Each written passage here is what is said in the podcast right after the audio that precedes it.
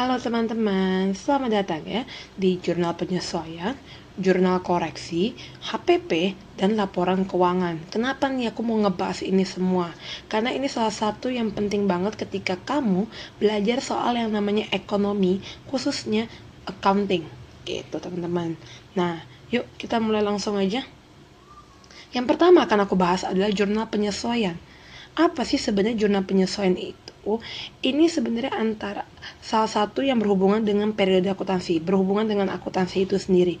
Menyusun setelah kamu melakukan penyusunan neraca saldo dan sebelum ke worksheet, kamu harus ada yang namanya jurnal penyesuaian nih untuk angka-angka di dalam neraca saldo untuk menggambarkan keadaan yang sebenarnya gitu teman-teman. Jadi ketika di worksheet udah benar-benar angka-angka yang udah sebenarnya the real time-nya itu gitu teman-teman.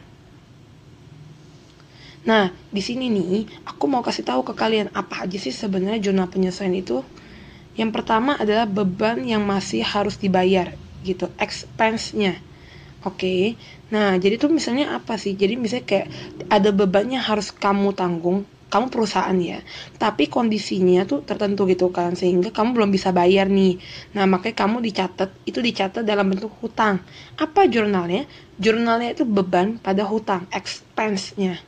Oke okay? expense bebannya pada hutang gitu. Payable. Oke okay? terus juga yang kedua adalah pendapatan yang masih harus diterima apabila pada akhir periode.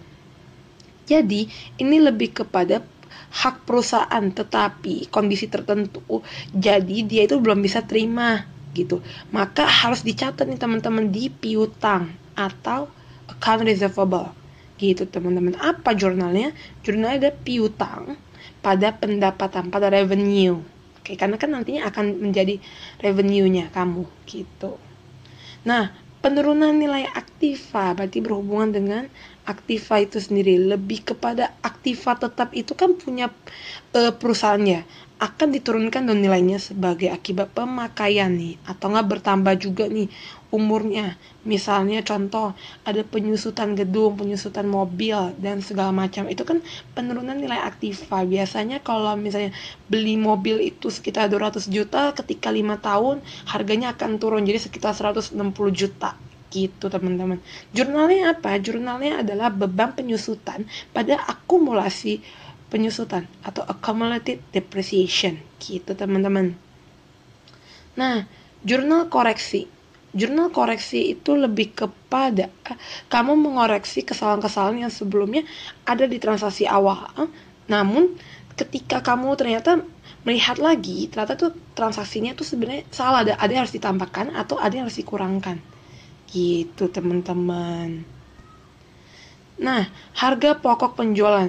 Apa sih biasa kita nyebutnya juga HPP ini lebih kepada nih biaya yang muncul nih ketika kita tuh mau produksi barang Oke, okay. terus kira-kira nih harga yang mau kita jual tuh berapa ya untuk barang ini? Jangan sampai gini, kita produksi barang ini harganya kita biaya yang kita keluarkan adalah 20.000 Terus ketika kita jual, kita cuma jual 15 ribu. Berarti kita rugi 5 ribu dong teman-teman. Nah itu nggak boleh. Itu kamu harus jual lebih tinggi dari biaya produksi yang kamu keluarkan. Gitu teman-teman. Nah harga pokoknya gitu. Harga pokok penjualannya itu berapa? Gitu teman-teman. Jadi berapa sih yang mau kamu jual? Berapa sih yang mau kamu jual kepada konsumen itu? gitu teman-teman. Nah ada beberapa komponen nih. Yang pertama adalah persediaan awal barang dagangan kamu gitu. Nih awal periode tuh kamu pas periode tahun buku berjalan itu pas awal kan pasti udah kelihatan berapa sih barang yang kamu punya di awal tahun gitu kan. Nah dilihat nih persediaan barang di awal tahun tuh berapa sih terus kalian juga bisa ngecek. Nah nantinya di akhir tahun kalian akan tahu berapa sisanya yang masih ada gitu. Berapa yang kepake berapa yang sisanya masih ada gitu teman-teman Lalu, persediaan akhir barang. Tadi kan aku ngomongin yang awal, sekarang aku ngomongin yang akhir. Tadi aku bilang ke kalian kan, akhir periode tahun buku berjalan. Gitu, teman-teman. Terus juga pembelian bersih. Berarti udah dikurangi sama expense-expense yang lainnya juga, teman-teman. Gitu. Jadi walaupun kamu beli secara tunai ataupun kamu juga beli secara kredit pada perusahaan. Gitu. Harus dikurangi nih sama kayak biaya angkut, kayak biaya pengantaran, biaya uh, apa namanya potongan retur, pembelian dan segala macam itu harus dikurang-kurangkan. Laporan keuangan nih teman-teman. Laporan keuangan ini lebih kepada catatan informasi keuangan nih dari siapa? Dari perusahaan yang ada, perusahaan yang kamu kelola gitu kan pasti ada dong mulai dari revenue-nya, net income dan segala macamnya. Laporan keuangan itu nanti akan aku bahas lebih dalam lagi. Nah, di sini pokoknya intinya adalah ketika laporan keuangan itu dibuat untuk apa sih? Siapa sih yang buat laporan keuangan? Yang buat laporan keuangan adalah manajemennya gitu, orang-orang yang mengelola perusahaan itu.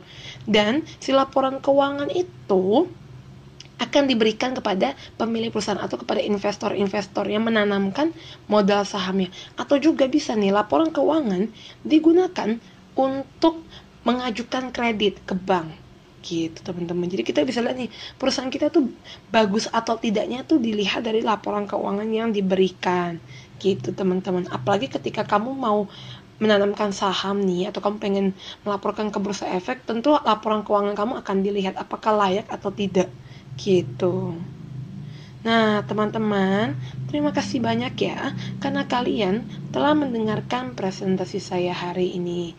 Semoga dapat bermanfaat bagi kalian semua. Kalian harus semakin memahami lagi ini lebih dalam ya, karena ini merupakan salah satu pelajaran yang sangat penting ketika kalian belajar soal yang namanya akuntansi itu sendiri. Gitu. Live moto kita hari ini adalah opportunities don't happen you create them. Thank you very much and God bless you guys.